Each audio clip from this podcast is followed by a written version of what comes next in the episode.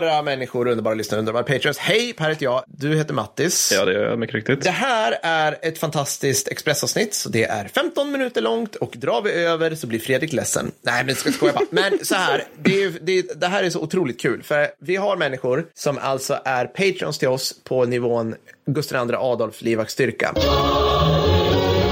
Är man det i mer än sex månader, då får man bestämma sitt alldeles egna avsnitt. Man Mm. äger vår stjärt helt och hållet i den tiden det tar att, eh, för oss att spela in. helt enkelt. Och, eh, och också de, de saker som föreslås blir allt mer depraverade ju Ja, längre ja. tid går. Vi ska snart börja spela in eh, skogsbruk i krigstid och i, vad fan var det mer, driftvärnet med fokus på järnvägar. Alltså jag älskar det. Liksom. Vi, har, vi har en här också, italienska cykelinfanterist. Under, alltså det, Ja. det kommer bli så jäkla bra grejer här. Alltså, ja.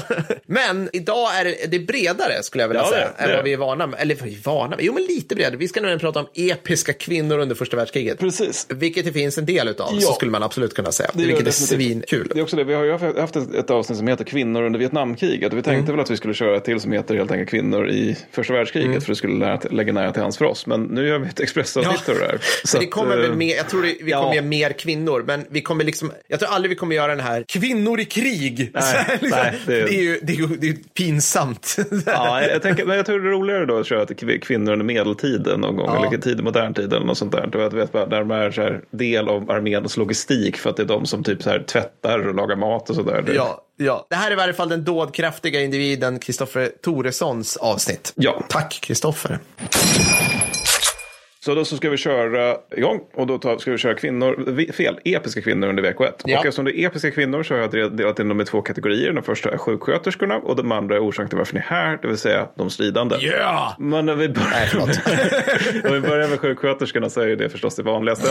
Nej, förlåt. Jag menar bara, ja, fortsätt. Kör Mattis. Ja, okej, nej, men Nej. de är de vanligaste och de fyller liksom en ett helvete viktig funktion. Och de är ganska intressanta av många skäl, men ett är att de väldigt ofta kommer, och det är oavsett armé, Mm. kommer från någon form av så här borgerlig medelklass. Så. Mm. Och i regel så är de också frivilliga. Och det här är som sagt nästan oavsett armé Mm. under hela första världskriget. Då. Och i de skildringar jag har läst, och det har ändå hunnit bli några stycken under årens lopp, då, för de skrev många skildringar, många av dem, så, så är liksom kriget en inåt helvete stor chock för dem. Alltså Mm. det är det ju för alla som utsätts för krig. Men, men alltså det här är ju liksom lite extra mycket för att de här de kommer ju liksom från så här, ja men sen edvardianska eran där liksom en kvinna, hon har, hon ska, det ska vara liksom lugnt och fridfullt runt henne, det ska vara rent och det ska vara ordnat, man, det är borgerlig klass och man har någon piga som sköter det mesta och sånt som är smutsigt. Så bara just det här med själva krigets smuts, vilket är, säg på västfronten eller på sydfronten, någonting återkommande. Bara det i sig är liksom smått traumatiserande. Men de biter ihop och de räddar tusentals, för att inte säga tiotusentals människors liv. Och den i min värld bästa sjuksköterskememoaren från VK1 som skrivits är en som skrevs av den ryska Sofie Bocharski.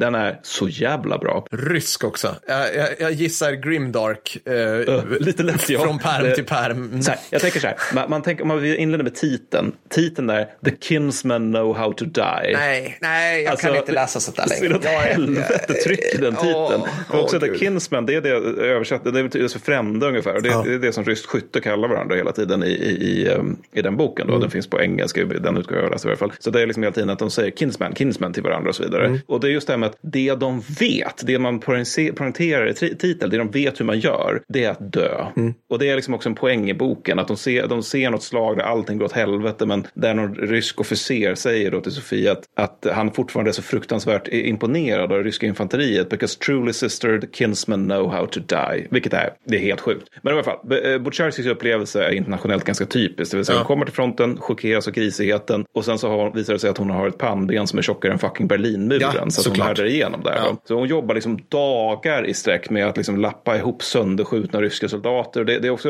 en vanlig beskrivning från henne. Det är just det här med hur man har de här stora, självsäkra bondesoldaterna som drar ut i strid liksom, Ja, med ja. liksom Gud och tsarens namn på sina läppar. Ja. Och sen så är det liksom bara kvidande skärvor av män när de kommer tillbaks till henne. Då. Ja, såklart. Så, och det är liksom där de ligger de här så vidriga bivackerna där det liksom finns ingen bedövningsmedel. Nej. finns liksom inga, inga liksom, det finns nätt och jämnt eh, bandage. Det är kärr, liksom. Ja, det är kärr. Det är kärr. Men alltså det, det är helt det är så liksom gränslös bedrövlighet. Och, mm. och liksom de ligger där bara liksom drar i henne och säger lilla syster, lilla syster, lilla syster mm. hela tiden. För att hon är kort helt enkelt. Nej men sen så är en av de starkare skildringarna där också det är när hon, hon träffar en soldat som ligger med liksom, alltså ingenting av honom finns kvar mer eller mindre. Och han är liksom så här nära att dö. Ja, ja. Och han, han liksom hallucinerar, han tror att han är hemma, ja. han ser sin gård, han ser sin fru och så vidare. Och sen ser han henne och så ser, tror han att hon är döden. Och då så ropar han till de andra, liksom, se fränder, så vacker min lilla död är. Och sen så kallar han henne min lilla död, ber om att få en kyss, hon ger honom en kyss och sen så liksom pratar han lite med Mattias och sen dör han. Alltså, ja. Det här är en bok som jag önskar kom ut i nu utgåva för den är så jävla stark ja. och den är så jävla bra. Men ja, det finns typ ett, en utgåva från 1921 eller någonting. Men ja. den är väl bra i alla fall. Ja. Och hon är ute och härjar i främsta linjerna då bland gasdöda för att bärga överlevande och sådär. Alltså hon, hon, är, hon är en stark person helt mm. enkelt. Mm. Men orsaken till varför ni är här. De stridande kvinnorna. Nu ska vi ja. upp från Grimdark-träsket. ja. de stridande är ju naturligtvis avsevärt färre än sjuksköterskorna. Alltså, mm. Alltså det, det, det, finns kvinnor som strider under första världskriget men de är mycket, mycket färre. Mm. Och de mest kända är förmodligen Maria Borskake, Borsk, nu ska jag säga, fan, rys, jag har ryska namn. Ah, ja. Maria eh, Borskareva som anförde de citat kvinnliga dödsbataljonerna på tsarens avgång men innan oktoberrevolutionen. Då. Ja. Och de fick inte se så mycket fight, men hon gjorde det däremot. För att hon, hon stred nämligen dessförinnan med tsarens personliga tillstånd från 1914 och framåt. Ja. Alltså, det var typ så här att hon bara, jag vill slåss. Och alla var nej. Och tsaren bara, men skön idé ändå, gör det. Så att hon, hon fick faktiskt göra det. Då. Okay. Och sen så var, fanns det också en Flora Sandes som var en brittisk kvinna som stred för serbiska armén. Det där, det där verkar också varit en grej. Alltså att man, rätt många kvinnor hade liksom lite större frihet nere på Balkan. Så där om de kom från Storbritannien Storbritannien. Mm -hmm. Det finns också en Olive som, som eh, var ambulansförare mm. nere på serbiska fronten och som också just upplevde det som en väldigt, väldigt stor frihetsupplevelse ja. jämförelse med det här väldigt konformistiska, instängda, tillknäppta brittiska medelklasslivet. Då. Ja. Men sen kommer vi till den som alla vill höra om, det vill säga Milunka Savic. Av serbisk börd. Mm. Milunka Savic då, hon är alltså den mest dekorerade kvinnan i världshistorien. Ja. Mm. Så e episk check nu har vi. Nu har vi ja, det är rätt sällan man kan säga avsnittets, det. Eh, liksom Krilles önskemål här. Yes. Ja. ja, men det, är så här, det, det, är rätt få personer man kan säga mest, ut, eh, mest dekorerade ex i världshistorien. Ja. Men hon ska tydligen vara det då när det gäller kvinnliga soldater. Och hon joinade serbiska armén redan under första Balkankriget. Då. Oh, hipstrigt. Ja, mm. nej, men det är hipstrigt. Och hon utkämpade också båda Balkankrigen med den genialiska kamouflagenamnet Milun Savic. Så hon gick från Milunka till Milun och alla var ja, ja, men kvinnor tar sig ju inte så det måste vara en man. Folk måste vara så dumma i huvudet på den tiden. Alltså, ja, ja, ja, det, ja, men det, det är som det, här, där man ser så här män som har ställt upp i tidiga kvinnliga OS och de står typ och röker och har mustasch. Ja. Men, men, alla bara, bara, kvinnor, eller män kan ju inte klä, klä ut sig till kvinnor, ergo måste det här ja, vara kvinnor. ja, men, och, och, hon, så såras hon då och då, då leder det till att hon avslöjas för att man måste liksom få av en uniformen i grund och botten. Och eh, serbiska armén blir av detta framförallt förvirrad egentligen. Sådär. Mm. Att de, de, de, de, tycker att det här är ju lite knä, knasigt för tjejer ska ju inte kriga. Så man ö, ö, erbjuder henne då att bli sjuksköterska istället. För det tänker man känns lite mer tryggt. Varpå hon svarar fast med lite fler ord i helvete. För att hon var, vill vara med skyttet. Mm. Och efter ganska många turer fram och tillbaka så är de så lite ja det, alltså, det, vi behöver ju kött naturligtvis. Mm. Så ja nej men okej varsågod. Ja. Så att eh, hon var självklart med i första världskriget. Givetvis. Och stred som grenadjär och slutade så kriget som sergeant. Vilket i sig var nog ganska ovanligt att man inte bara var kvinnosoldat utan också steg i mm. graderna. Hade hon någon utbildning? Alltså gick, genomgick alltså, hon någon... hade ju samma soldatutbildning som alla andra. Det, ja, hon, det, hon... Det. Ja, hon fick någon form ja. av... Ja, mm. ja visst. Så att, eh, och, och, hon skadas svårt i huvudet 1915 men, men det är en, en sån här grej som hon skakar av sig mest och är liksom tillbaka vid fronten rätt raskt. Mm. Och hon låter sig inte heller hejdas av Serbiens kollaps utan hon strider sen på makedonska fronten tillsammans med spillrorna av det som är kvar av serbiska mm. armén som evakueras ner dit. Då. Och hon har sin high punkt under det synnerliga hipstriga slaget, slaget vid Kai Marshal, nu ska vi se, Kai Makshallan 1916 då hon personligen tillfångatar 23 bulgariska och synnerligen förvirrade soldater. Höjden av skam för en bulgar. Att... ja, men de är så roliga bulgarerna första världskriget. Deras uniformer ser ut som folkdräkter. Ja, det är tofsar och grejer. det, en gammal kollega som heter Magnus Glenning som ni kan sätta i andra sammanhang. Han, han lärde mig det någon gång att om du vill veta vilka som är bulgarer under andra världskriget så tänk dig att det ser ut som just en folkdräkt. Ja. Då, då, det är aldrig någon annan än just bulgaren. ja, nej, men så, men, men, så att, eh, då är det ju det här då att hon, hon eh, håller på att vara krigshjälte, hon blir skottskadad i huvudet. Sådär. Eh, Man kan tänka sig att hon dör i det här kriget. Det gör hon absolut inte utan hon Nej. överlever det. Och under det så tilldelas hon, ska vi se, eller under sina krig snarare, alltså under de krig hon är med tilldelas hon orden av Caradore-stjärnan, Hederslegionen, Croix de Guerre och ryska Sankt George-korset med mera. Så det, det är liksom alla tapperhets och skademedaljerna. Men, men sen är det också det här då att eftersom hon överlever så finns det ju en tid efter. Ja, just det. Och då är det då att hon får veteranpension först efter andra världskriget på grund av sitt kön. Ah, såklart ja. Mm. Alltså för, för att det var, och det var typ så här, vill jag minnas att det var typ en jugoslavisk journalist som bara, fan den här gumman här, var inte hon krigshjälte under första världskriget?